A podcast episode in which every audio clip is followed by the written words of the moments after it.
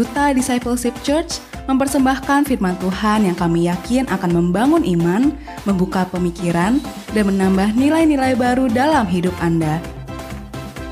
Dari Indonesia, selamat mendengarkan. Ujian ini berkata, "Kau yang layak disembah, kau yang layak ditinggikan."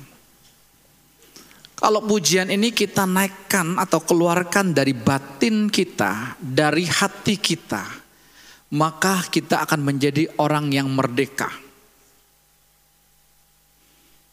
Hanya sayangnya kalau kita menaikkan pujian ini, kita belum sampai dari batin, dari hati. Saya kasih bukti, kasih contoh.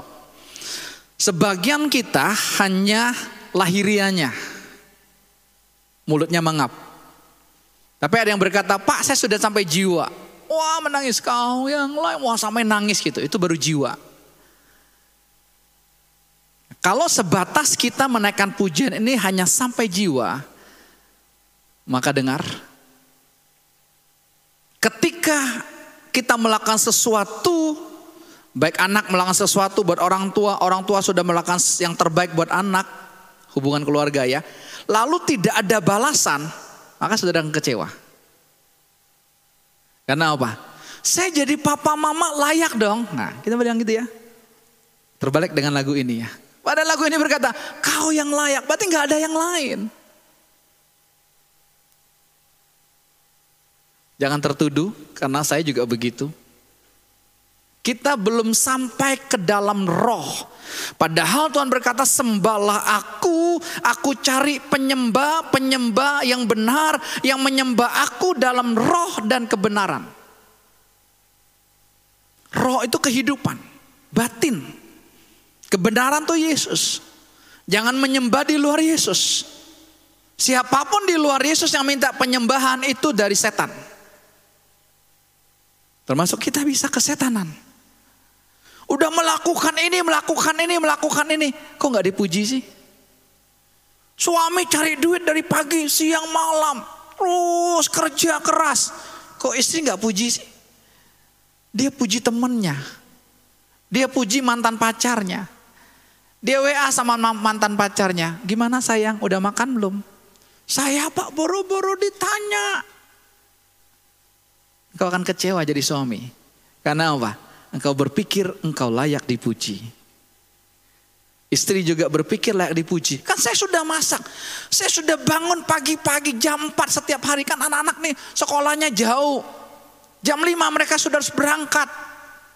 Pulang lagi jam 5. Anak kita itu nggak beda-bedanya dengan orang kerja kantor. Udah bayar uang sekolah mahal-mahal, bangun jam 5, sekolah dari jam 5 pagi, pulang jam 5 pagi. Ada PR-nya lagi. Mau ketawa ketawa aja. Mau ketawa aja ditahan-tahan. Doakan untuk Menteri Pendidikan yang baru ini ya supaya ada perubahan. Kalau enggak stres anak kita. Saya hampir tiap tahun beli ransel. Kok gitu Pak? Iya bukunya tebel banget. Kelasnya di mana? Lantai tiga. Makanya banyak mak-mak bawa tasnya sampai ke lantai tiga. Nanti mau jemput, nak kamu turun dulu. Mama yang bawa tasnya. Kalau mamanya kecil juga. Habis deh. Ya, belajar segini bukunya nak. Ya nggak tahu gurunya suruh bawa segini. Dulu papa cuma dua. Dua aja ketinggalan satu. Makanya bahasa Indonesia-nya merah kan? Mau bahasa Indonesia aja lebih pintar bahasa Inggris ngomongnya. Karena susah bahasa Indonesia itu ya. Sepelannya menyalakan, nggak pakai H itu yang benar. Kalau menyalakan pakai H itu menyalakan benar gitu kan. Nak, nak tolong nyalakan AC, tapi pakai H. Dijawablah di grup, kasihan AC-nya dinyalain terus, disalahin terus. Saya yang marah, saya yang kesel. Tadi yang makan ini, ya siapa yang mau makan rambut? Pasti ada yang mikirkan, makan rambut. Orang Bangka bilang makan rambutan tuh makan rambut. Tolong jangan salahkan saya, salahkan Edi dia yang kasih saya. Oh Anton, nah ini nih, hukum dosa tuh begini. Enggak, enggak usah ketawa, kita begitu juga. Jangan tertuduh Ed, jangan Ed. Kita begitu. Adam, di mana engkau? Perempuan yang kamu tempatkan di sisiku. Kan kurang ajar kan? Udahlah Ed kita sama kok Ed. Yang salah, yang salah pendeta gua. Saya juga nggak mau kalah. Yang salah lu denger. Kan kita suka begitu kan? Jangan ikutin itu. Itu setan. Ya kan setannya muncul. Dia yang kasih saya kan saya nggak tahu dari Anton. Nih Pak, makan rambut dia bilang. Ya saya pikir dia dia kiriman dari Bangka. Dia bilang Anton. Anton bilang lagi, itu yang tukang jual Pak. Coba. Udah dia muter-muter kita kan gitu kan. Itulah menandakan kita itu senang dipuji dan tidak pernah mau dipersalahkan. Makanya kutuknya apa yang akan terjadi? Kutuk yang pertama kali yang didapat itu ular. Kalau saudara baca kejadian tiga, ular yang terkutuk pertama kali. Dia sudah dibuang dari surga, dia perdana menteri di surga, Allah Bapak itu raja. Ya, kalau kerajaan itu yang menjalankan pemerintahan kan perdana menteri. Betul ya? Kerajaan Inggris itu rajanya tiong-tiong aja, tapi yang menjalankan itu perdana menterinya. Dia yang paling tahu, paling banyak tahu, termasuk Lucifer. Karena dia banyak tahu, Yesaya 14 berkata begini, aku hendak, aku hendak, aku hendak, aku hendak. Saudara dan saya kalau masih punya kehendak, ketipu. Kalau saudara dan saya masih mau terkenal, ketipu. Karena Yesus tuh tidak mau terkenal. Yang mau terkenal tuh setan. Yesus tidak mau terkenal. Injil Yohanes pasal yang ketujuh saudara-saudaranya bilang gini, kalau kamu mau diakui di muka umum, silakan kamu hadir di Yudea sedang ada perayaan pondok daun. Yesus bilang gini, enggak. Dia enggak mau hadir. Tapi dia bilang enggak mau hadir. Eh diam-diam dia datang. Nah itulah Yesus. Jangan bingung ya. Oh ini orang pelan-pelan. Itu loh maksudnya. Tadi dia bilang nggak mau datang. Tahu-tahu dia hadir. Terima undangan. Mau datang nggak borok? Nggak mau. Eh nongol. Katanya nggak mau datang. Nah itu Yesus tuh. Baca aja dengan teliti ya. Bukan ngomong, bukan saya ngomong loh. Kalau saudara percaya Alkitabmu baca Yohanes pasal ke-7. Tapi dia diam-diam pun datang. Orang berbondong-bondong cari dia. Itulah Yesus. Yang nyakitin dia juga berbondong-bondong. Saudara hidup dalam kebenaran, saudara tetap difitnah, tetap hidup dalam kebenaran. Fitnahan yang kita terima itu belum ada apa-apanya dibandingkan dengan Tuhan Yesus. Tapi kita bilang gini, oh jangan-jangan ini dari setan ya. Kok orang gak setuju semua? Belum tentu. Justru yang dari setan justru orang setuju. Yang dari Tuhan belum tentu orang setuju. Karena itu kebenaran yang akan memerdekakan orang itu penipunya bilang-bilang. Itu bohong, itu bohong. Pembohong akan bilang orang bohong. Pencuri akan teriak pencuri. Itu setan. Itu iblis. Kami melayani dengan tim melayani beberapa orang. Satu anak yang masih kecil sekali. Dia pandang matanya begini dengan saya.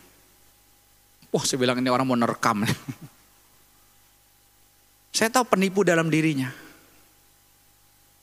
Ketika saya sampaikan gini, saya bilang gini, saya ngomong sama penipunya ya di dalam diri kamu ya. Kamu jangan bohongin anak ini. Baca Yohanes 8 ayat 44 saya suruh dia baca. Dia baca itu.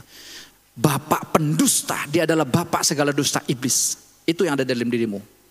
Kamu tenang saya bilang. Wah dia confess. Dia lepas, dia nangis tanpa campur tangan manusia. Kenapa? Hatinya terbuka. Saya bilang ini, ngapain kamu datang ke sini? Cuman dia bilang ini, saya mau hidup baru om. Bagus. Dua kali dia ngomong, saya mau hidup baru om. Itu modalnya kamu. Tuhan lihat kerinduan hati kamu. Tuhan yang ngelepasin dia. Setan yang ada dalam diri dia. Cara masuknya di, bagaimana? Nanti. Saya tidak sampaikan itu. Hari ini Tuhan cuma mau sampaikan kata kosong. Kosong. Tuhan cuma kasih satu kata aja buat saya, kosong. Ular kena kutuk ya. Udah dikutuk, dibuang di muka bumi. Lucifer tadi namanya malaikat Lucifer jadi setan, jadi iblis. Jadi saya udah jangan bingung membedakannya. Lucifer itu nama waktu dia belum jatuh dalam dosa. Itu nama malaikat. Tapi waktu dia dibuang namanya setan atau iblis. Dia dikutuk lagi. Dikatakan ini, kamu akan menjadi binatang yang akan menjalar dengan tubuhmu dan makananmu debu dan tanah. Makanan setan itu debu dan tanah. Debu dan tanah berbicara tentang kesusahan. Debu dan tanah berbicara tentang persoalan masalah. Itu bukan makananmu, makananku. Itu bukan makananmu dan makananku firman. Bukan kesusahan, bukan penderitaan. Hanya persoalannya kita ini kadang-kadang nggak sadar kita udah punya beban yang berat. Saya 49 tahun gak sadar saya punya beban yang berat. Saya pikir saya fine-fine saja. Tapi Maret yang lalu Tuhan bilang gini, kamu punya beban yang berat. Dan saya bilang, yes Tuhan. Dan Tuhan undang mari kepadaku semua yang letih, lesu dan berbeban berat. Aku berikan kelegaan kepadamu. Saya serahkan hidup saya kepada Tuhan. Tuhan kasih kelegaan, kelepasan buat saya. Tinggal terima aja. Yang kedua yang dikutuk bukan Adam, Hawa dulu. Saudara baca dengan teliti. Dengan apa? Dalam dengan susah payah waktu kamu mengandung. Berapa banyak ibu-ibu di sini yang mengandungnya susah payah? Makan pun susah, mesti diinfus. Saya dengar ada orang yang tujuh bulan terbaring di rumah sakit karena hamil. Coba menderita nggak? Dia hanya menderita dan saudara tahu nggak? Anakmu di kandungan juga menderita. Karena anak itu ditentukan pada masa hamilnya. Bukan hanya itu kutukannya. Kamu akan melahirkan dengan penuh kesakitan. Siapa ibu-ibu di sini melahirnya teriak-teriak? Bapak-bapak jangan ketawa. Makanya orang Malaysia tuh bagus banget nama rumah sakitnya. Rumah sakit bersalin namanya apa sana? Masa nggak tahu? Coba di Malaysia, rumah sakit korban, engkau wanita, engkau korban laki-laki. Engkau yang korbanin dia loh. Kamu jangan ketawa-ketawa ya. Harus sama-sama menanggung. Jangan bilang gitu aja teriak. Bilang aja lu aja yang melahirin. Ya, Linda juga tadi pagi teriak-teriak katanya. Oh enggak ya. Linda ya, udah melahirkan tadi, dapat cucu ya. Linda, Linda Yudi, bingung banget sih. Saya juga baru dapat kabar gitu ya. Sen Rafa, keren men. Namanya Sen Rafa. Itu pasti ingat dengan Jehovah Rafa. Jadi dengan yang sedang mengandung, bilang, saya nggak mau ada dada kutuk hawa. Ngomong aja, nggak mau. Itu kutuk hawa itu. Lalu yang ketiga kutuknya apa?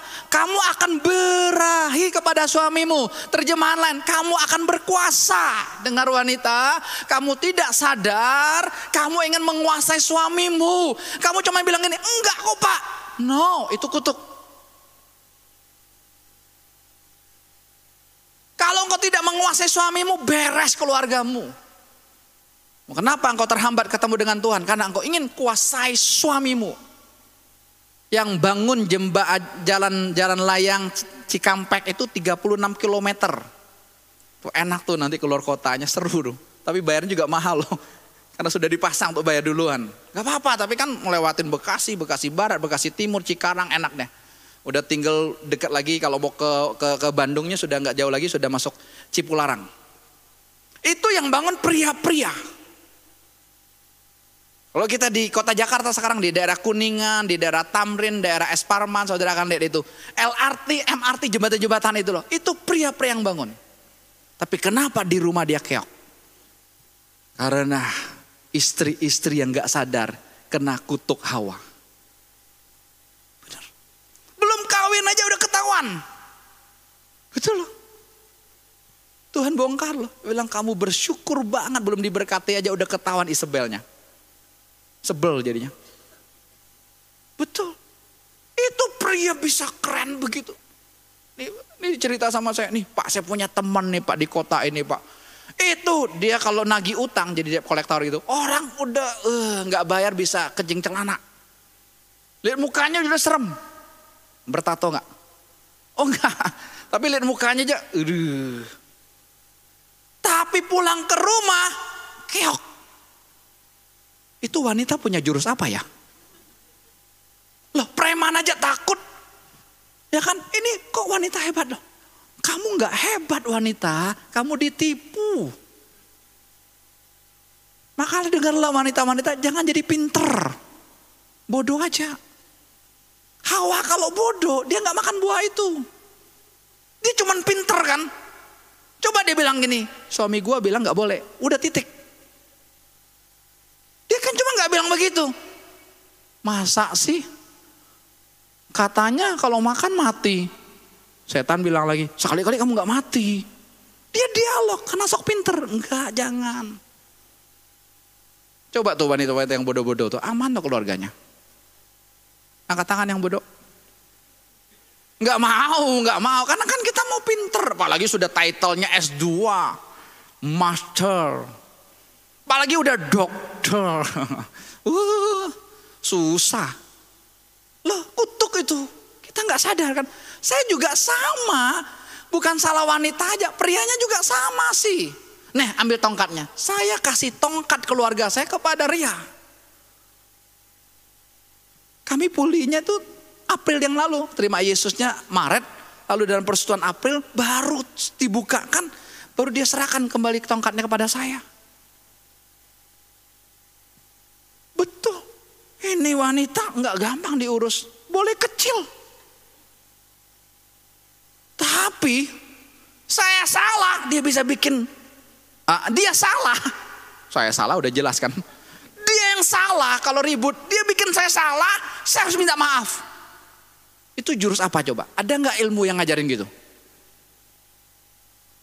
Coba pria-pria sadarkan ini. Jangan. Kamu cari aman.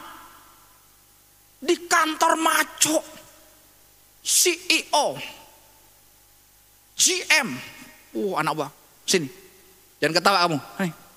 Antar barang. Tok, tok, tok, tok, tok. Pulang ke rumah. Ganti baju. Iya mak. Ganti celana pendek. Iya mak. Nyapu ngepel. Iya mak. Ini suami baik. Suami kesetanan. Bukan baik. Benar, ketawa aja di sini. Aku coba di rumah. Di rumah kan hidup kita itu apa adanya di rumah, bukan di gereja. Di gereja mah kita bergandengan tangan. Nah kan? Di rumah itu loh. Suami kita paling tahu. Lo ngomong pinter lah di luar. Gua kan paling tahu kamu, siapa kamu. Gua ini hebat di luar, tapi kalau di rumah udah nggak bisa berbuat apa-apa. Ayo kita bertobat sama-sama. Pria, engkau jadi otoritas kepala keluarga. Wanita, engkau jadi penolong. Tolong suamimu. Itu kutukannya. Baru kutukan turun kepada Adam itu pun gak langsung kepada Adam. Tanah yang terkutuk gara-gara Adam. Terkutuklah tanah karena Adam. Maka kamu harus berjeri lelah bersusah payah mencari nafkah betul gak? Jangan bangga kalau kita susah payah pulang sampai jam 12 malam, jam 1 pagi, besok jam 5 berangkat lagi. Suami-suami jangan bangga engkau ada di bawah kutuk Adam. Jangan bangga. Padahal Tuhan berkata berkat Tuhan lah yang menjadikan kita kaya, susah payah tidak menambahnya. Susah payah itu kutuk. Harusnya kita tinggal menikmati. Bukan Tuhan suruh kita nggak kerja loh. Tapi jangan ngotot, jangan ngoyo. Jangan bantingin semuanya. Kita bantingin semua kan. Istilah banting tulang itu kan banting semua. Makanya tulangnya remuk-remuk, retak-retak. Habis sudah retak, duit yang didapatkan apa? Kembalikan kan ke rumah sakit. Kita dibodohin. Saya juga dibodohin. Ngapain? Gak mau lagi. Kata bodoh perhatikan. Kita masih bodoh di hadapan Tuhan. Karena kita nggak tahu apa-apa. Tapi di hadapan setan jangan bodoh. Jangan dibodohin setan. Janganlah kamu bodoh sehingga kamu melakukan dosa. Itu jangan bodoh di hadapan setan. Tapi di hadapan Tuhan saya bodoh. Tuhan saya nggak ngerti apa-apa. Saya mau korbanin Tuhan. Saya nggak tahu apa-apa. Tuhan cuma kasih kata-kata kosong. Kita ini belum kosong. Saya juga belum kosong. Pembuktian kita pembuktian diri kan. Kita ingin eksistensi. Nih, suami udah nggak terlalu tinggi gitu. Istrinya udah tinggi ini, ada kan? Yang so, istrinya tinggi-tinggi gitu. Udah tinggi masih pakai high heel. Itu wanita. Tahu high heel?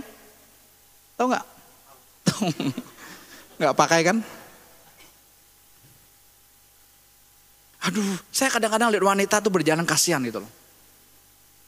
Itu saya tahu tuh menderita banget. Kalau gini kan enak banget jalannya kan. saya khotbah pakai high heel. Saudara, saudara. Plak patah. Keseleo hancur. Udah tinggi, dia masih pakai high heel.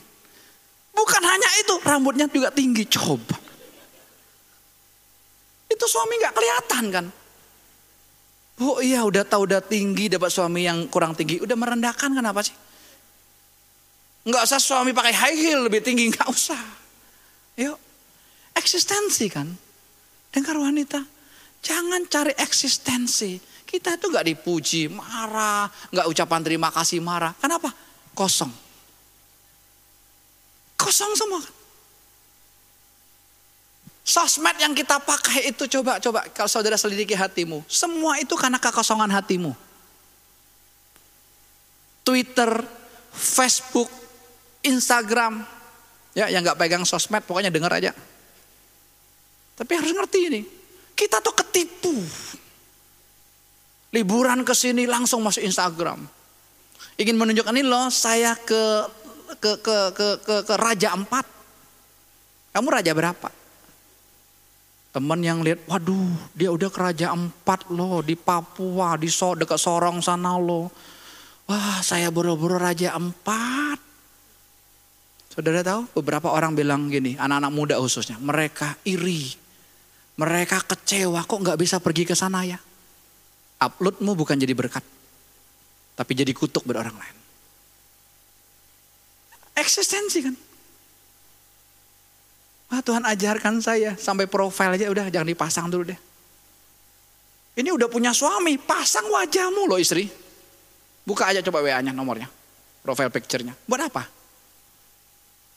Saya nggak anti sosmed. Kalau saya anti sosmed, saya nggak pakai handphone dong. Kenapa? Eksistensi kita, kita makan di mana gitu, kita foto kan, bukan doa dulu kan. Sibuk moto dibandingkan doa kan. Mengucap syukur enggak kan? Aku kan foto langsung tuh masuk di Instagramnya. Nih loh, saya bisa makan di hotel bintang 6. Yang nggak bisa makan cuman saya makan di mana ya? Dia keluar, dilihat bintangnya banyak. Ya udah nggak bisa bintang 6, yang penting bintangnya banyak. Menghibur diri.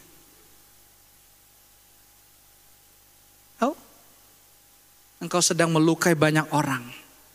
Lalu kalau kita masukin itu, yang kita lihat apa? Yang nge-like atau tidak kan? Kita lihat jempol orang kan? Enggak nge-like. Uh, itu loh. Kita ini boleh ngomong Tuhan yang layak. Enggak, ngomong kosong ini.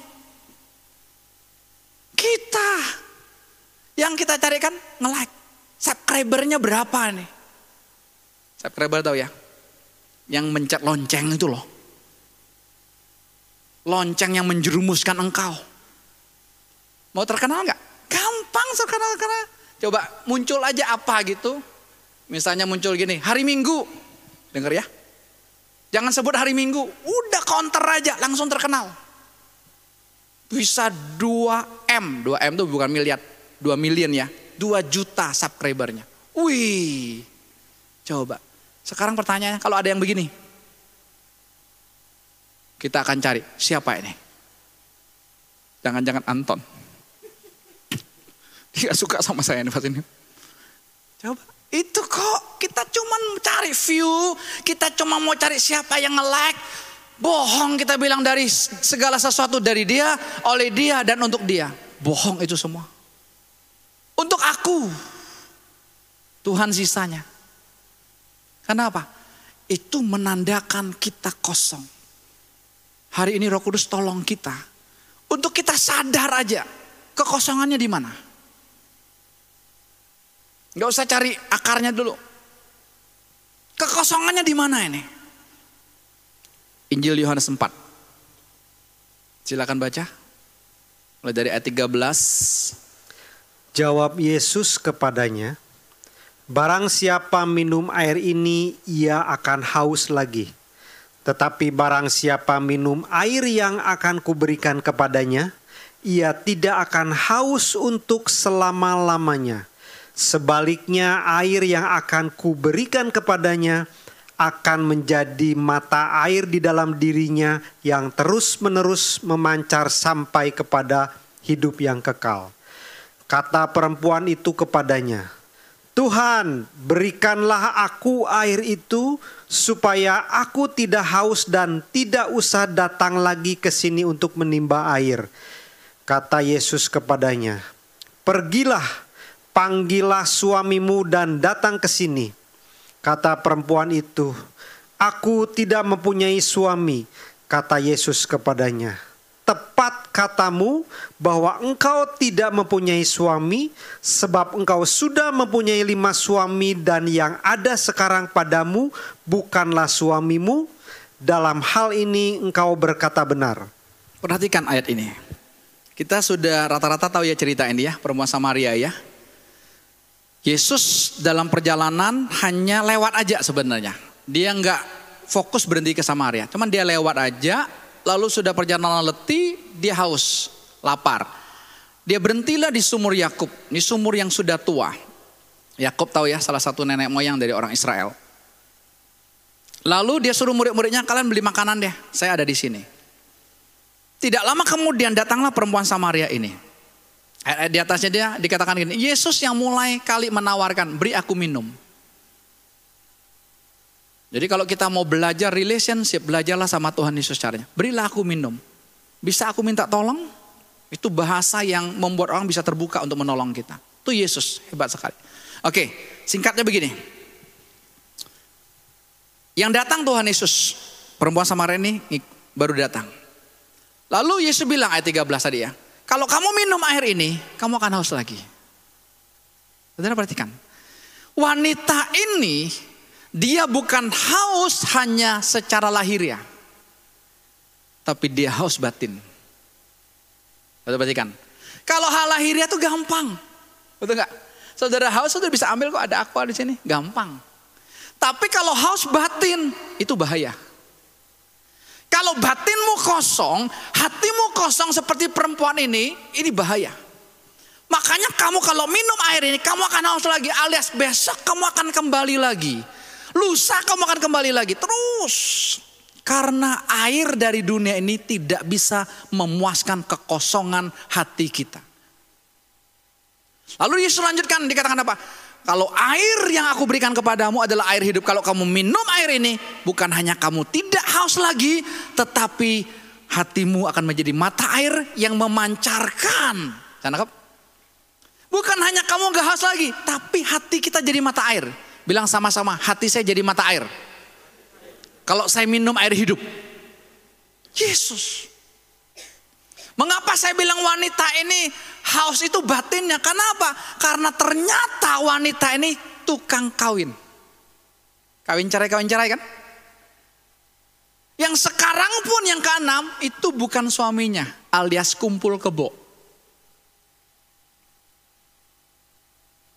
Berarti kalau kita melihat ini, siapa pun dia, keluarga kita kah atau teman kita, kalau kawin cerai kawin cerai terus ini, ini kira-kira di mata manusia benar atau salah? Udah pasti salah kan? Saudara tahu. Wanita ini gambaran dirimu dan diriku. Kita nggak mau mengaku, oh pak saya punya satu suami kok pak, dia enam.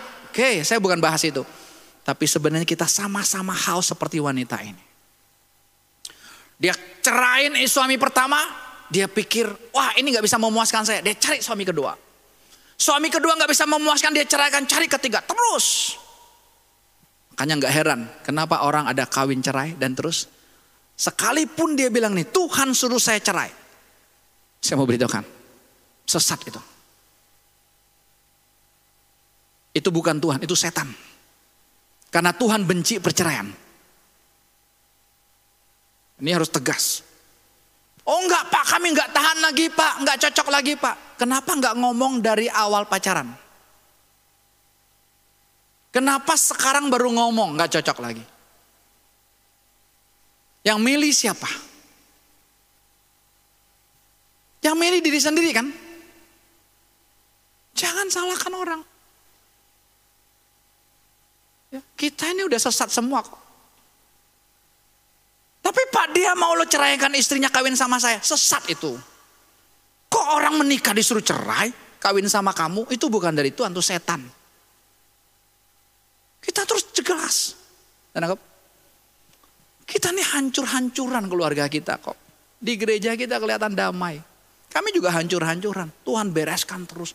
Tuhan bereskan terus. Sampai hari Jumat saya ngomongkan, ini kami baru ajak konflik. Tuhan bukakan apa? Punya roh kompetisi. Masa saya sama istri punya roh kompetisi? Saya ngomong ini, dia ngomong ini. Sama-sama berkompetisi. Oh saya bilang, kita satu loh. Iya ya, kok kita ketipu? Udah damai, damai, damai. Keluarin penipunya.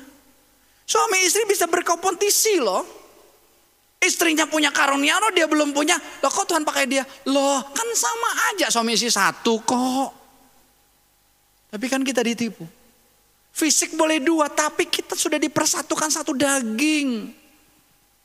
Seorang laki-laki akan meninggalkan ayah dan ibunya dan bersatu dengan istrinya. Ingat ya, bersatu dengan istrinya tidak dibilang nih seorang laki-laki akan meninggalkan ayah dan ibunya dan bersatu dengan istri-istrinya. Itu poligami. Kalau wanita ini poliandri.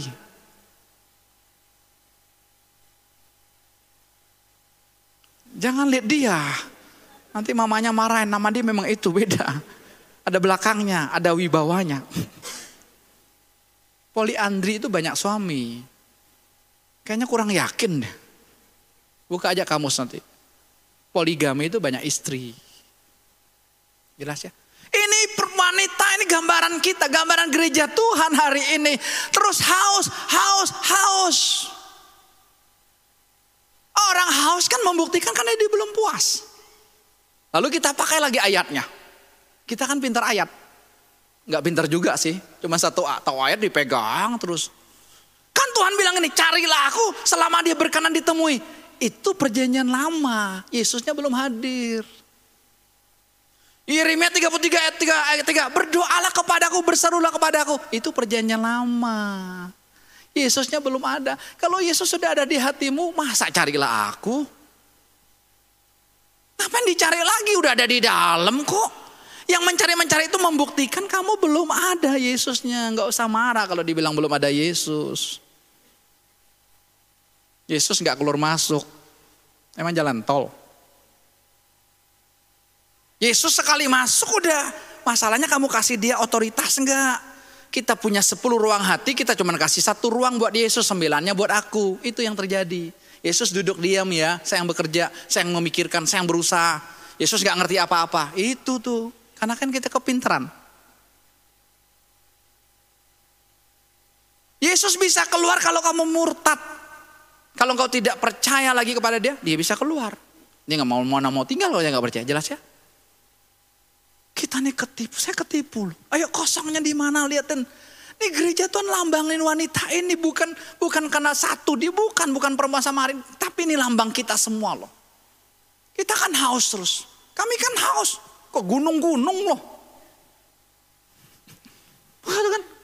Kami cari Tuhan tuh sampai ke gunung-gunung. Ngerti lah maksud saya? Karena saya ini agak terbatas nih gara-gara live streaming ini. Nanti dia upload di YouTube lagi. Biar nanti nggak ada lagi lah. Jadi enak Tuhan ngomong. Karena saya kalau ngomong gini yang dengar sana, waduh ini pendeta udah beda. Tapi kalian udah ngerti kan? Udah nangkep maksudnya. Kalau kita namanya masih haus, kita belum ketemu Yesus yang memuaskan hati kita. Air hidup tuh belum ketemu. Kita masih kosong. Coba minta roh kudus cek. Apa sih kekosongan hati kita? Istri-istri apa kekosongan hatimu? Kok rengek-rengek sama suamimu, Pak? Udah Desember, Pak, tanggal 1. Maksud lo liburan, Pak? Apalagi di gereja kita, Pak. Tahun ini cuma celebration terakhir Sabtu tanggal 21 Desember jam jam 5 sore ya. Itu terakhir ya, nggak dua kali cuma satu kali catat. Tanggal 22 kita libur, tanggal 25 kita libur, tanggal 29 kita libur, tanggal 31 kita libur, tanggal 1 kita libur, kita ketemu lagi tanggal 5.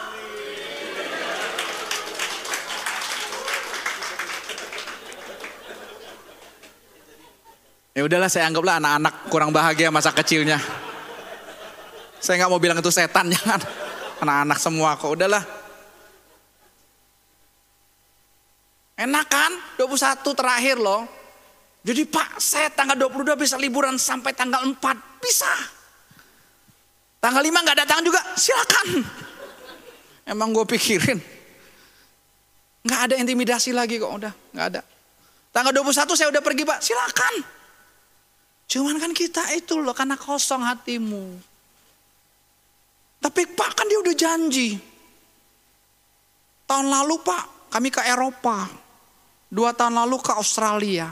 Tahun ini Pak janjinya ke Amerika. Kan lagi winter Pak. Jangan Bapak doang ke Amerika. Gua juga mau. Pertanyaannya, memuaskan kamu enggak? Saya tidak salahkan liburan ya, jangan salahkan liburan. Jangan punya pengertian sendiri, bukan. Kalau liburan untuk memuaskan hatimu itu salah. Liburan silakan, tapi tetap bersekutu dengan Tuhan. Bisa makan? Tapi kalau liburan memuaskan hatimu, enggak. Pulang juga tambah capek, cucian banyak. Gak apa-apa, kita bebas mau ketawa-ketawa. Mau bosan, mau keluar, keluar. Silakan ya. Saya bosan nih dengar khotbah begini, Yesus, Yesus terus saya mau keluar. Silakan. Ya, terbuka aja. Kita itu kan itu kan. Ulang tahun nih, ulang tahun diributin. Suami nggak tahu tanggal ulang tahun mau minta cerai. Coba, setan nggak itu? Dia kan bisa lupa. Habis pak kalau dia di, tidak diingatkan. Dia lupa beli berlian. Makan tuh berlian. Udah nggak usah pusing. Nggak diucapin selamat ulang tahun juga nggak usah pusing. Nggak berani amin kan? Karena kamu senang diucapin selamat ulang tahun. Saya berdoa, bohong. Dia nggak doa juga kok. Yang ngucapin tuh nggak doa, cuma ngucapin doang lip service. Kita buka-bukaan deh. Kita itu hidup dalam kemunafikan. Gue doain ya kamu ya. Doain nggak? Enggak lupa. Buat diri sendiri nggak doa. Wah masih hadiah. Lupakan tanggal lahirmu. Lupakan itu. Saya lihat beberapa orang tua kalau nggak dirayain ulang tahunnya dia ngamuk gitu. Taiji, taiji, tobat. Nggak usah. 80 tahun, 90 tahun. Sama aja di hadapan Tuhan, sama kok. Yang penting Yesus. Kado itu, hadiah, nggak ada artinya. Tidak memuaskan, itu menunjukkan kamu kosong. Yang ulang tahun November udah mulai tanya belum? Herianto udah tanya apa tanyanya?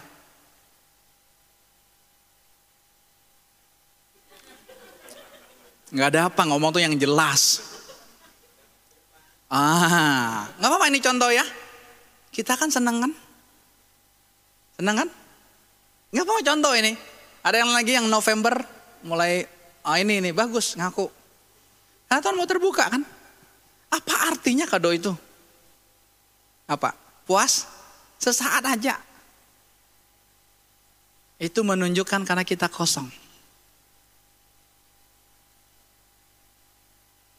Kok nggak dipanggil di depan sih? Emangnya kamu dipanggil di depan puas hatimu? Enggak. Ya, ada kabar gembira tapi jangan takut.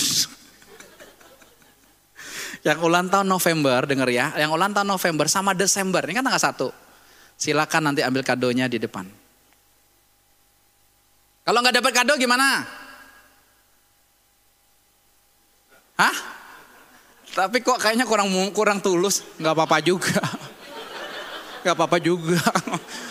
Mulutnya nggak apa-apa juga. Hatinya apa-apa.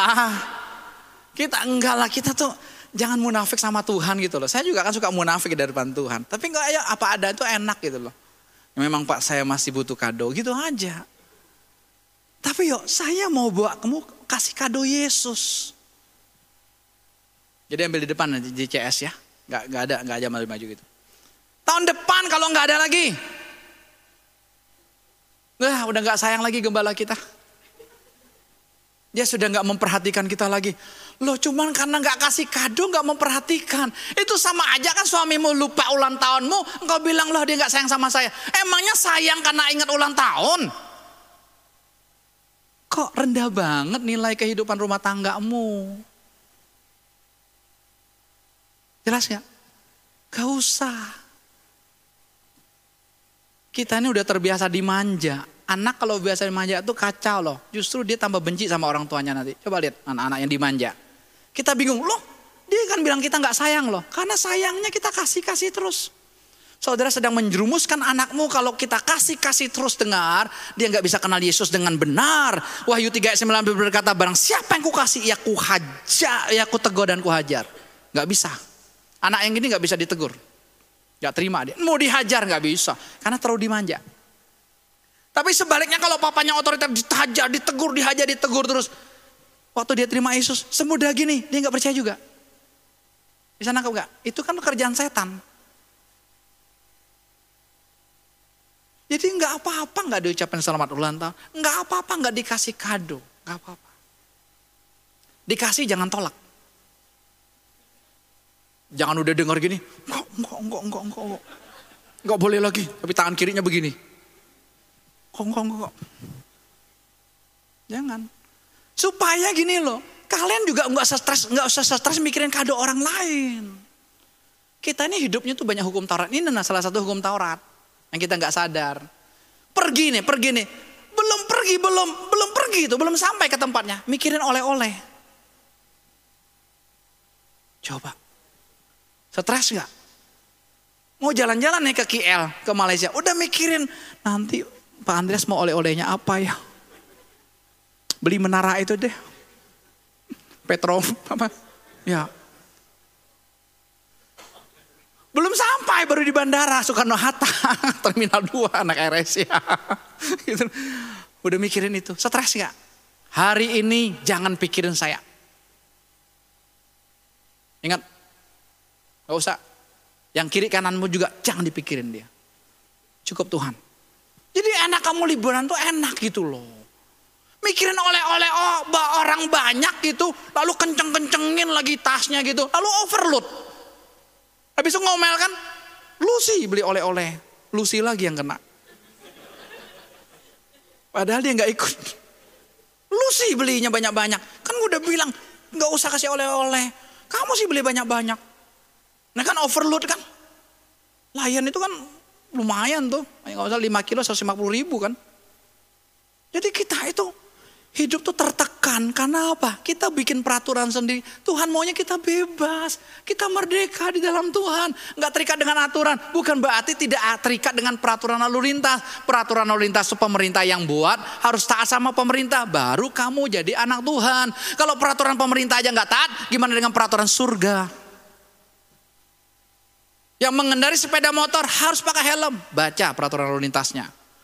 Yang bisa mengendarai sepeda motor atau mobil harus yang punya SIM, surat izin mengendarai 17 tahun ke atas. Anak-anak saya nggak kasih. Jose sudah 18 tahun Januari ini. Yang besar sudah 19 tahun. Saya tetap ajar naik mobil, tapi belum bikin SIM, nggak bisa. Nanti kamu udah punya SIM baru beli. Saya dampingi, Pak mau mau ke depan. Oke, boleh, maka boleh kan kita dampingi kan ada peraturannya, dampingi aja. Tapi jangan lepas. Nilai-nilai yang sudah kita dapatkan jangan dibuang begitu aja. Sudah jadi lifestyle. Nilai-nilai speed limits mengajarkan saya. Saya disiplin di jalan sampai hari ini. Saya nggak lepas. Wah puji Tuhan udah bebas. Wah kan bebas. Bebasmu. Kebablas itu namanya. Bukan itu. Kita ya, ini kalau dengar khotbah sesuatu kita tafsirin sendiri. Kalau kesaksian pribadi saya, jangan jadi kesaksian pribadimu berbeda. Cuman kan saya menyampaikan ini, saya menyampaikan kesaksian pribadi saya. Tuhan ngomong tuh beda-beda sama dengan kita. So misinya bisa beda. Gitu loh cara nangkepnya. Oh udah gak boleh gini lagi. Siapa bilang? Gak ada. Sa, kami udah gak punya interest ke mall. Bukan boleh, bukan berarti gak boleh ke mall. Kalau kami ke mall pun pasti ada kebutuhan. Jangan nanti ketemu di mall. Loh katanya nggak boleh. Tapi baru ingat, ya saja pelin pelan, pendeta saya pelin pelan sama. Kita tuh salah tafsir gitu loh. Nggak, nggak ada interest maksudnya gitu loh. Dulu tuh aku punya keinginan dua minggu sekali, ya nah kita pergi ke mall ya, mall mana sih yang belum ya kita pergi gitu loh. Tapi mikir-mikir ngapain juga ke mall ya kalau nggak ada kebutuhan ya, muter-muter sana muter sini, cuman makan doang.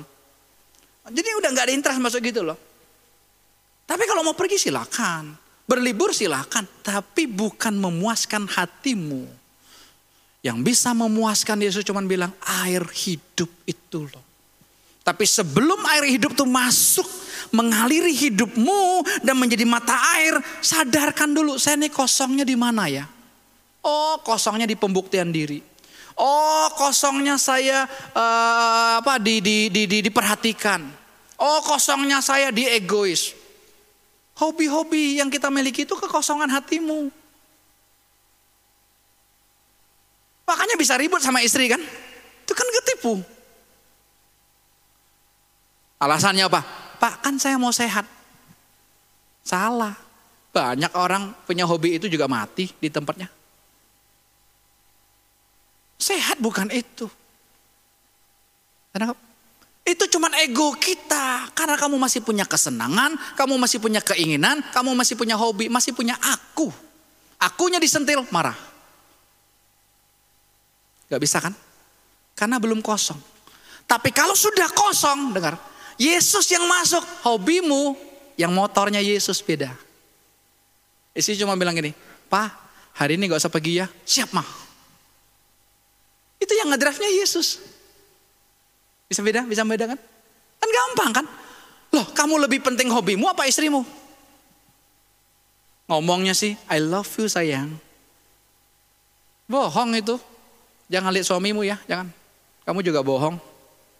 Sama-sama kok kita ketipu.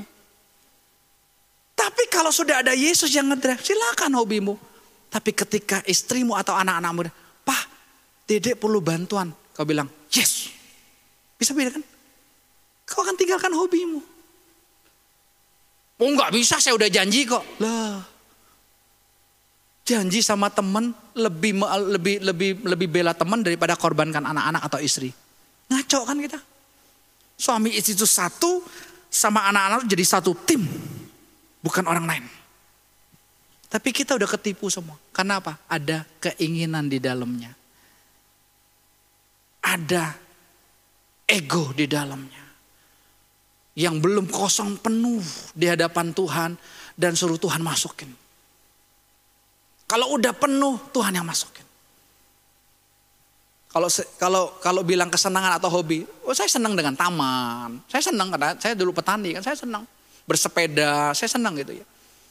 Tapi tidak harus gitu. Ketika istri butuh sesuatu, ya mah, nggak papa nggak sepeda hari ini.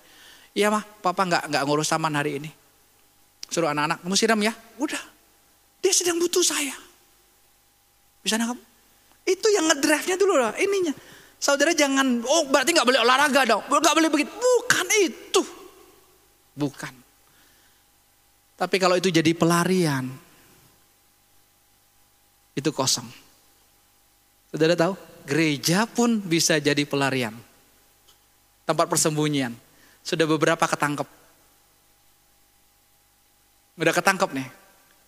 Dia nggak dapat di rumah, gereja jadi per. Pak kan lebih baik di gereja kalau dulu kita berpikir daripada dia ke diskotik. Tetap sama aja. Kalau gereja jadi tempat pelarian, apa bedanya gereja dengan diskotik? Sama-sama banyak setan.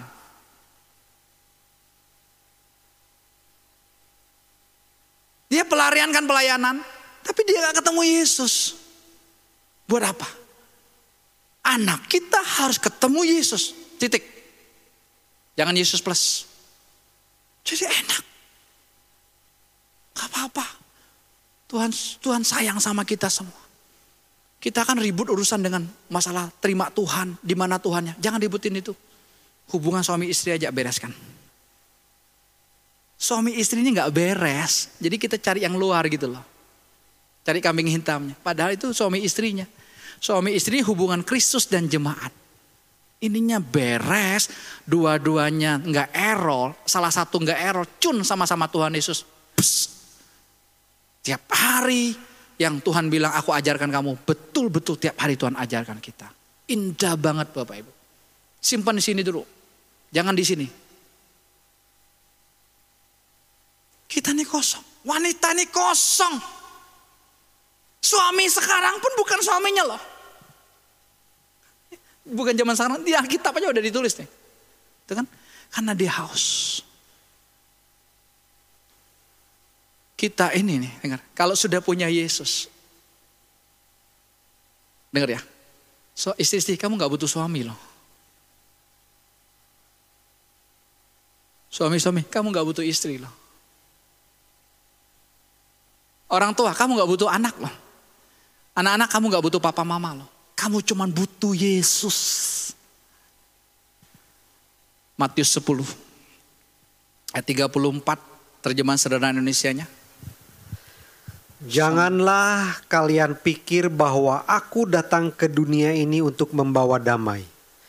Aku datang bukan untuk membawa damai, tetapi membawa pedang, yaitu pertentangan yang hebat. Karena dengan kehadiranku, maka akan terjadi apa yang sudah dinubuatkan di dalam kitab suci ini. Anak laki-laki akan menentang bapaknya, anak perempuan akan menentang ibunya, dan menantu perempuan akan menentang ibu mertuanya. Bahkan para anggota keluarga dekat kalian pun akan menjadi seperti musuh dalam selimut.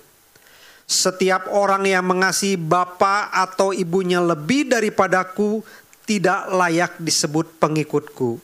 Setiap orang yang mengasihi anak laki-lakinya atau anak perempuannya lebih daripadaku tidak layak disebut pengikutku. Setiap orang yang mengikut aku hendaklah berpikir seperti ini. Sampai mati pun bahkan sampai mati disalibkan saya akan tetap mengikut Tuhan. Orang yang tidak berpikir seperti itu tidak layak disebut pengikutku. Jelas. Kalau kita nggak berpikir seperti Yesus berpikir jangan sebut kita anak Tuhan kalau kita sayang kepada istri kita lebih daripada Tuhan jangan sebut kamu anak Tuhan kalau kamu sayang kepada suamimu lebih daripada Tuhan jangan sebut kalau orang tua sayang kepada anak-anaknya lebih daripada Tuhan. Tuhan mau berbicara, oh saya urus anak saya dulu. Jangan sebut anak Tuhan. Semua itu kita ditipu. Kok Tuhan egois ya? Enggak. Kalau mau bilang egois silakan, karena cinta itu egois. Kalau tidak egois, maka kamu akan punya banyak istri. Karena kamu egois, istrimu satu. Egois kan? Cintamu bukan buat orang lain kan? Betul nggak? Tuhan juga begitu. Saudara perhatikan percakapan perempuan Samaria dan Tuhan Yesus. Siapa yang dulu ada di sumur itu? Siapa? Tuhan Yesus. Cinta selalu dimulai dari Tuhan Yesus. Karena engkau dan aku tidak akan bisa mengasihi Tuhan kalau Tuhan tidak lebih dulu mengasihi kita. Ada orang bilang nih, oh saya buru, mau berusaha mengasihi Tuhan. Enggak bisa, kita enggak punya kekuatan. Tapi Tuhan inisiatif dia datang dulu pada perempuan itu kan tiap hari kok. Itulah Tuhan kita. Dia sayang sama kita. Dia cinta sama kita. Dia tahu ada yang kepalanya mulai pusing, mulai bingung. Gak apa-apa, dia mau rontokkan pikiranmu, ideologimu, konsepmu, filosofi yang kau dapatkan. Dia mau rontokkan. Maka kamu gak bisa mikir lagi. Supaya apa? Dia yang memikirkan engkau dan aku. Saya senang kalau orang bilang, wah saya pusing pak, bagus. Kalau kamu nggak pusing berarti kamu masih pakai konsepmu, pakai ideologimu. Kalau udah pusing bagus. Di situ Tuhan yang sedang bekerja mengadukkan otakmu yang kecil itu.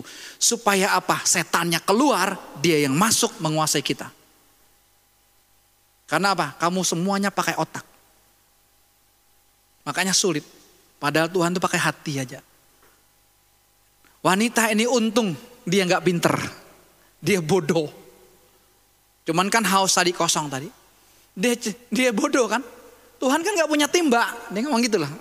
Pergaulan dia. Tuhan kan gak punya timba. Ini sumur kan cukup dalam. Kami kan tahu ini kan sumur yang diwariskan oleh uh, nenek moyang kami Yakub. Tapi Tuhan bilang begini, bukan itu nak, bukan air dunia ini. Dunia ini nggak bisa memuaskan kita, siapa pun dia, suami istri bisa memuaskan engkau, tidak bisa. Anak-anak bisa memuaskan engkau papa mama? Tidak bisa. Orang tua bisa memuaskan engkau anak-anak? Tidak bisa. Yang bisa cuman Yesus. Sudah tahu wanita ini terima air kehidupan itu. Dia pulang ke Samaria, dia bersaksi satu Samaria terima Tuhan Yesus. Sampah masyarakat tukang kawin berubah waktu ketemu Yesus jadi penginjil satu kota. Engkau dan aku kalau ketemu Yesus, kau boleh jadi sampah masyarakat sekarang. Tapi kalau ada Yesus yang ngedrive hidup kita, kau akan jadi saksinya yang dahsyat. Orang bukan lihat kamunya, tapi lihat Yesus dalam diri kamu. Satu Korintus 7. Tadi baru dapat ketika saya ngobrol dengan satu keluarga. Baru ngerti juga. Sebelumnya saya nggak ngerti ayat ini. Satu Korintus pasal yang ketujuh. Tetapi kalau engkau kawin engkau tidak berdosa. Dan kalau seorang gadis kawin ia tidak berbuat dosa. Tetapi orang-orang yang demikian akan ditimpa kesusahan badani dan aku mau menghindarkan kamu dari kesusahan itu. Saudara-saudara, inilah yang kumaksudkan yaitu waktu telah singkat. Karena itu dalam waktu waktu yang masih sisa ini orang-orang yang beristri harus berlaku seolah-olah mereka tidak beristri dan orang-orang yang menangis seolah-olah tidak menangis dan orang-orang yang bergembira seolah-olah tidak bergembira dan orang-orang yang membeli seolah-olah tidak memiliki apa yang mereka beli pendeknya orang-orang yang mempergunakan barang-barang duniawi seolah-olah sama sekali tidak mempergunakannya. Sebab dunia seperti yang kita kenal sekarang akan berlalu. Aku ingin supaya kamu hidup tanpa kekhawatiran. Orang yang tidak beristri memusatkan perhatiannya pada perkara Tuhan, bagaimana Tuhan berkenan kepadanya. Orang yang beristri memusatkan perhatiannya pada perkara duniawi, bagaimana ia dapat menyenangkan istrinya. Dan dengan demikian perhatiannya terbagi-bagi. Perempuan yang tidak bersuami dan anak-anak gadis memusatkan perhatian mereka pada perkara Tuhan, supaya tubuh dan jiwa mereka kudus. Tetapi perempuan yang bersuami memusatkan perhatiannya pada perkara duniawi, bagaimana ia dapat menyenangkan suaminya. Ya, berarti kan ini. Tuhan baru kasih pengertian tadi.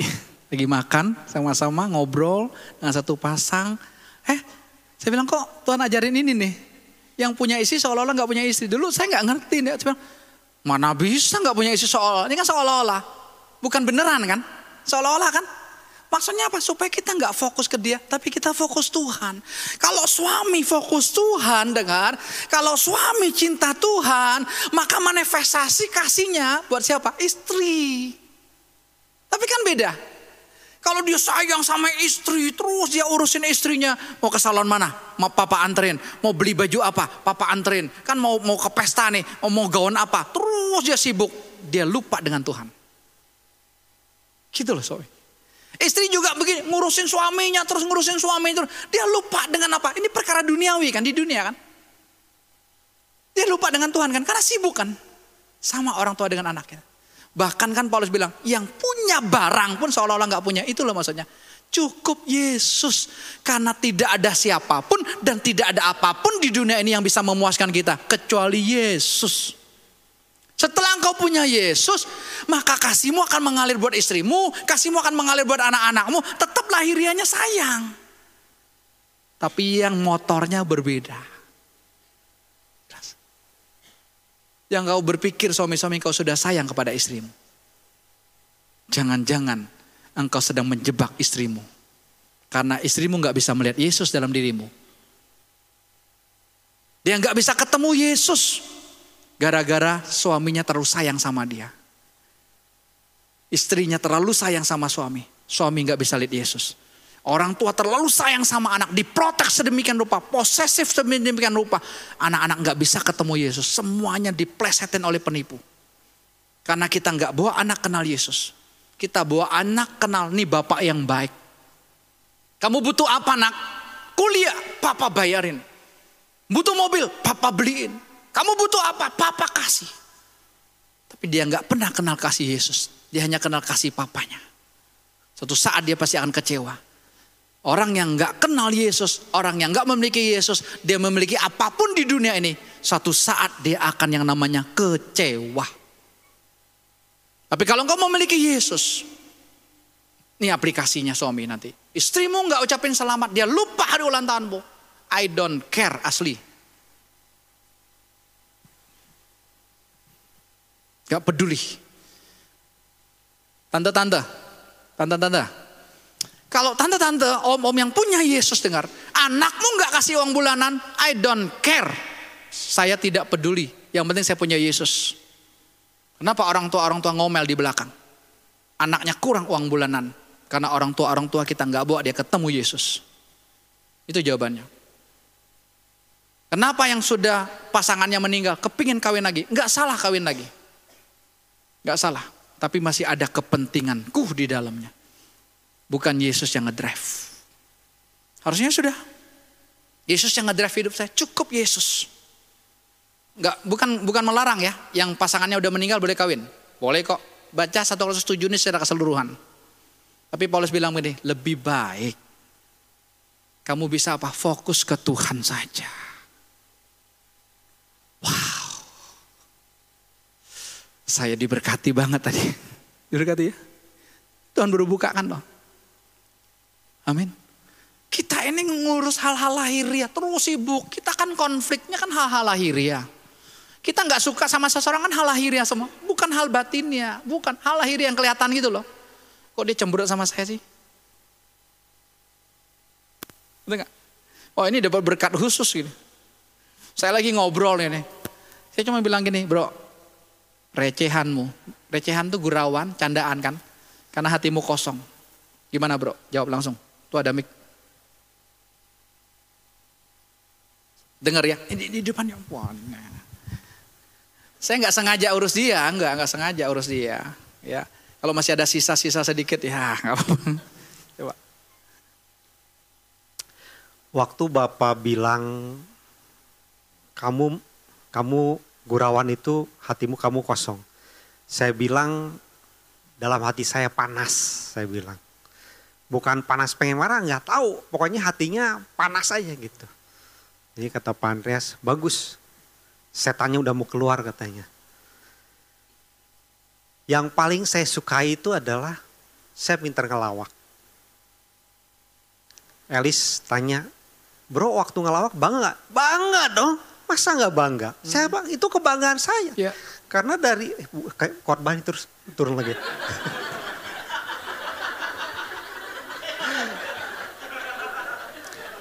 ya karena saya dari kecil itu semua orang seneng sama saya.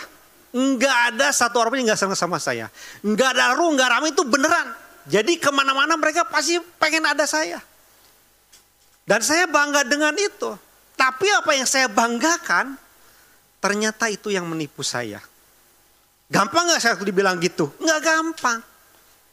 Enggak gampang, tapi justru itulah si penipu itu yang diam di dalam diri saya. Itu Pak John saya menyampaikan sama saya. Wah saya bilang luar biasa banget ya. Saya nggak nyangka Bapak itu hatinya sebenarnya terluka. Masa saya bilang, saya sama papa nggak ada dendam. Bro jangan pikirin. Itu udah pasti hati bro itu terluka. Saya mikir lagi, jangan dipikir bro. Nah itu otak itu tuh yang suka mikir itu yang paling berbahaya. Karena memang kalau dipikir itu memang logika banget. Saya nggak ada dendam kok sama papa. Tapi hati saya itu terluka. Bro bisa menghibur orang lain itu bukan menghibur orang lain. Bro menghibur diri sendiri.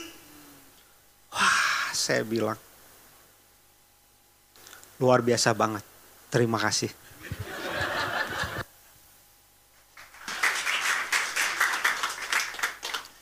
Saya tidak sengaja ngomong itu itu kalau Tuhan tuh kadang-kadang kita nggak sadar. Saya lagi urus BPN, pasangan yang mau diberkati Sabtu ini, sudah nggak pakai bimbingan pranikah, pakai teori-teori gini, atau juga berantem cerai.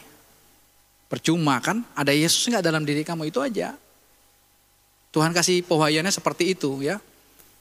Saya cuma dia, dia kan gembala BPN-nya. Saya kok bisa arah ke dia? Recehanmu ground itu karena hatimu kosong. Wah mukanya langsung berubah. Jangan concern sama dia. Itu kan penipunya.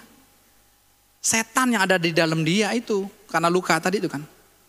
Saya gak concern dengan ini, saya urus ini aja terus kan. Urus gini, gini, gini, gini, gini. Dia ngomong terakhir, wah bagus saya bilang. Dia ngomong, Pak, waktu Bapak ngomong, Pasti saya panas. Waktu ngomong tuh juga masih panas. Saudara jangan terpancing. Kita ini terpancing kan, dia panas, saya panas juga. Hangus dua-duanya. Jangan. Kan, kan saya nggak berhadapan sama dia. Ada setan dalam diri kamu. Makasih buat kejujuranmu saya bilang gitu. Udah, belum, kamu belum sadar kok. Masih belum nangkap gitu. Sampai dalam peserta berikutnya baru sadar. Jadi saudara kalau emosi saudara mana itu udah kesetanan. Gak usah bela. Itu ada penipunya. Jangan tinggal, jangan pupukin dia. Roma 7 ayat 20 loh. Bukan aku yang memperbuatnya, tapi dosa yang ada dalam aku. Dosa di situ bukan dosa perbuatan. Setan, itu jamak bukan tunggal. Setan-setannya itu loh. Setan luka batinnya, setan, setan pembuktian dirinya, setan persaingannya, itu loh. Jangan dilawan, sadar aja dia keluar. Kan tadi kan mau caranya, mikirin, gak boleh, gak bisa. Saudara gak akan ketemu, Tuhan tuh gak mengalir. Saya bilang apa? Bagus coba. Gila nggak ini gembala? Oh saya ngomong gitu dia marah, saya bilang bagus. Kan gila kan? Saya bilang bagus. Kalau dulu mungkin saya bilang, maaf ya bro saya nggak sengaja. Saya bisa aja. Kan bohong juga, manipulasi. Bukan saya nyerang kamu kok. Kan saya bukan urus kamu. Urus pasangan ini loh. Lagi misalnya ini lagi lagi lagi lagi diurus sama tim. Ya kenapa pakai tim kayak orang e, kanker otak mau dioperasi kan nggak mungkin hanya satu dokter spesialis, betul nggak? Ahli bedah aja, enggak dong. Ahli tulangnya ada, ahli syarafnya ada, dokter spesialis jantungnya ada, dokter anestasinya ada, betul nggak? Yang suntik kebalnya. Mau dioperasi, dokter spesialis anestasinya sakit juga. Operasi sekarang ya. Waduh, teriak-teriak, lihat pisau jauh, jangan dok, jangan dok. Satu tim kan ada perawatnya. Itu satu tim bisa puluhan orang. Hanya untuk urus satu orang. Supaya apa? Mudah, cepat, beres. Betul kan? Tuhan kasih kita nih udah tim. Dulu kan kami berdua juga. Saya masih masih bingung-bingung gak ngerti. Sekarang kita mau munculkan. Loh ini dokter-dokter spesialis masing-masing Tuhan punya kasih kemampuan. Itu dari Tuhan bukan dari mereka. Saya sampaikan kepada mereka gini. Kamu yang punya karunia akan hati-hati karena kamu mudah jatuh. Lebih mudah sombong karena kamu merasa lebih hebat. Wah, ya tegur habis-habisan. Saya kalau ketemu sama mereka saya bilang ini, kenapa mukanya cemberut? Saudara kan saya belum gituin. Belum gituin aja udah kesel. Belum. Saya juga masih munafik. Saya ini masih munafik loh. Belum seperti Yesus negur gitu. Hai Petrus iblis. Waduh. Coba bilang dia, hai iblis, Kacau dia. Padahal iblis beneran kan di dalam diri dia. Petrus kan iblis beneran kan. Terbuktinya apa? Di Taman Gesmani kan dia ambil pedang itu telinga Malkus kan. Setannya kan belum keluar. Setannya belum keluar loh. Yesus bilang ini, iblis itu. Waktu Yesus memperkenalkan bahwa ada penderitaan dia akan mati gitu. Jangan, jangan, jangan. Yesus bilang apa? Dasar lo iblis. Petrus marah nggak? Kita dibilang belum ada Yesus saja marah, apalagi dibilang ada iblis. Ketipu-ketipu semua kita kok. Petrus nggak marah, memang betul iblisnya belum keluar. Di Taman Gesmani dia ambil pedang, telinga Malkus. Dia mau tolong Tuhan kan, kita kan mau bantu Tuhan. Nggak bisa. Tuhanlah yang harus bantu kita. Kita cukup menikmati Tuhan. Jangan bantu Tuhan merubah suamimu. Jangan bantu Tuhan merubah istrimu. Jangan bantu Tuhan merubah anakmu. Jangan bantu Tuhan merubah papa mamamu. Jangan membantu Tuhan merubah bosmu. Jangan membantu Tuhan merubah pemimpinmu. Jangan. Tuhan saja yang mengerjakannya lewat kita. Kita cuma bilang, yes, saya percaya.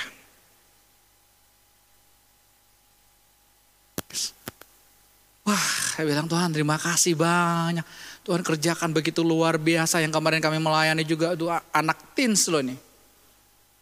Dia pelototin saya. Tapi saya tanya keluar. Lucifernya keluar.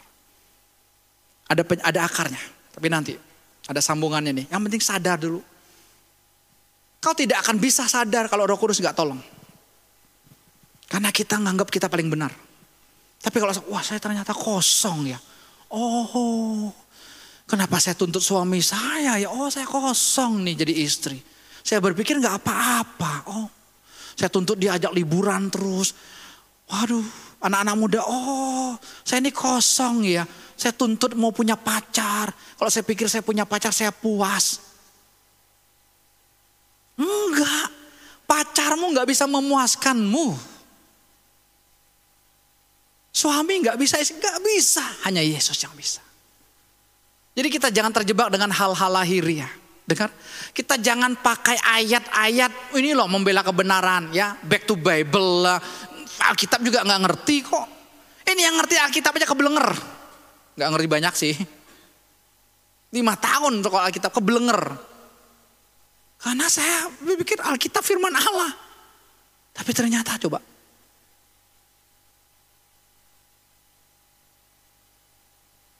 Tulisan yang mematikan. 2 Korintus 3 ayat 6 dan 7. Memimpin kepada, kepada kematian. Tulisan loh. Yang ditulis pada lolo batu. Lolo batu yang tulis Tuhan loh. Musa cuman bawa batunya aja ke Gunung Sinai. Yang nulis tangan Tuhan sendiri itu menuntun kepada kematian.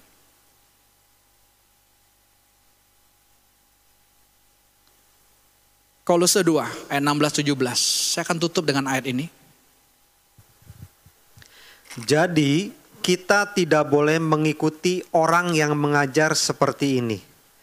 Allah akan menghukum kalian kalau tidak ikut merayakan hari besar itu atau perayaan bulan baru itu atau hari Sabat dan hari-hari besar lain agama Yahudi, orang seperti itu juga mau memaksakan kita untuk berpuasa dan mengikuti peraturan lain tentang makanan dan minuman. Acara dan peraturan lama seperti itu merupakan sifat agama yang sementara yang hanya diwajibkan pada zaman sebelum Kristus datang Hal-hal itu hanya bayangan hubungan yang sudah kita terima karena bersatu dengan Kristus. Balik ke 16 tadi. Perhatikan ini TSI-nya supaya kita lebih jelas. Jadi kita tidak boleh mengikuti orang yang mengajar seperti ini. Pengajar berarti. Di atas mimbar. Allah akan menghukum kalian kalau tidak ikut merayakan hari besar itu. Ayo kalau nggak ikut Natal Allah menghukum. Ini ini ini perayaan ini perayaan itu. Nangkap ya? Kan kita udah terkonsep. Atau hari raya Sabat, hari-hari besar lainnya agama Yahudi. Saudara tahu, apa yang kita lakukan selama ini itu mengikuti hari raya Yahudi. Saya angkat tanggal 25 Desember. Tanggal 25 Desember itu adalah hari merayakan dewa matahari. Tahun 300 lebih, Kaisar dia namanya, Konstantin ini dia terima Tuhan, lalu dia jadikan agama itu sebagai agama negara. Sana sampai di sini sejarahnya. Jadi semua rakyat ini harus, mereka katanya jadi penyembahan berhala semua kan. Ikut. Dia pakailah tanggal 25 Desember yang harusnya menyembah Dewa Matahari, dia ganti ke Natal. Dan kita ikutin. Makanya kan di Natal kita banyak ribut kan. Panitia berantem lah, Tim musik latihan tiga bulan lah, hanya acara dua jam. Konsumsi berantem. Betul gak? Yang ngisi acara juga berantem. Semua mau ngisi acara, semua mau tampil. Yang paling menggenaskan adalah apa? Dress code aja berantem. Hal lahiriah semua kan? Saya mau bukakan buat kita. Tanggal 21 ini, oke, okay, kita celebration aja. Tapi nanti kalau Tuhan bilang enggak, saudara sudah menangkap apa yang Tuhan mau. Ya, ya. Perayaan-perayaan itu semuanya dari Yahudi. Yang sekarang mereka agama Yahudi Yudaisme namanya, yang paling banyak di Israel, mereka melakukan hal yang sama dan kita ikutin. Termasuk sabat. Sabat itu Tuhan Yesus. Rest in God itu sabat. Orang Yahudi sendiri melanggar sabat. Bukan hanya Yesus melanggar loh.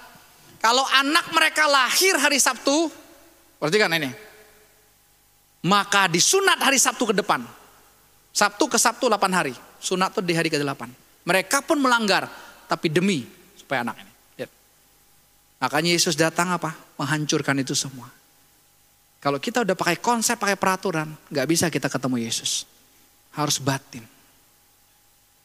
Jelas ini ya. Terus tangkap ini. Jadi kita jangan pusing. Terus ayat berikutnya. Ayat 17 ya kita baca. Ayat 17 nya. Acara dan peraturan lama seperti itu merupakan sifat agama sama-sama yang sementara yang hanya diwajibkan pada zaman sebelum Kristus datang. Jadi diwajibkan sebelum Kristus datang. Hal-hal itu hanya bayangan hubungan yang sudah kita terima karena bersatu dengan Kristus. Kristusnya sudah datang masih perlu nggak? Jawab sendiri. Natal setiap hari di hatimu. Setiap hari Yesus bersuka cita di dalam hatimu. Bukan tanggal 25. Kenapa ini? Yang dengar nggak terima nggak peduli. Tapi Tuhan mau ajarin kita semua ini. Saya kasih ilustrasinya gampang gini. Saya kenal sama Ria itu akhir tahun 96 kami buka uh, kalau sekarang Jail Kids ya, itu buka pertama kali 7 September di Blok F. Lalu kami Natalan, saya belum pacaran waktu Natalan, lalu majelis fotoin, trek trek trek, dia kirim fotonya kepada saya. Wah, kami kami lagi main drama, saya jadi Santa Claus. Masih main drama gitu sama gitu ya. Pakai baju uh, batik seragam gitu. Saya kalau mau tidur, saya liatin terus ya. Belum menjadi pacar ini. Anciang. Orang bangga bilang ini, Ciono. Cion. Cion, bedeleu. Orang bangga tahu arti bedeleu itu berkaca, beru. Wah bedeleu. Lalu saya senang dia ada lesung pipitnya. Yang enggak jangan operasi. Cukup dengan apa yang ada. Saya senang itu. Saya dikasih sama majelis kan, dia nggak tahu. Saya kalau mau tidur saya lihat dia dulu. Ini kan masih bayangan. Kami menikah tahun 99 yang lalu. Udah menikah, sama-sama dong tidur. Saya masih lihat nggak fotonya. Dia di samping saya nih, saya masih lihat fotonya. Ciono. Wih. Masih lihat nggak? Ayo jawab. Ditanya kok gak, gak jawab. Masih lihat nggak?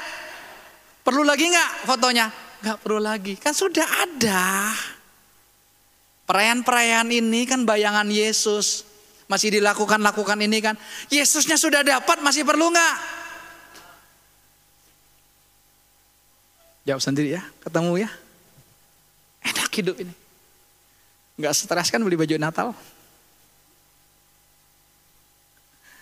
Rayakan Natal setiap hari di hatimu. Rayakan Yesus dalam kehidupanmu. Bebas. Jangan sampaikan kepada keluargamu yang belum mengerti ini.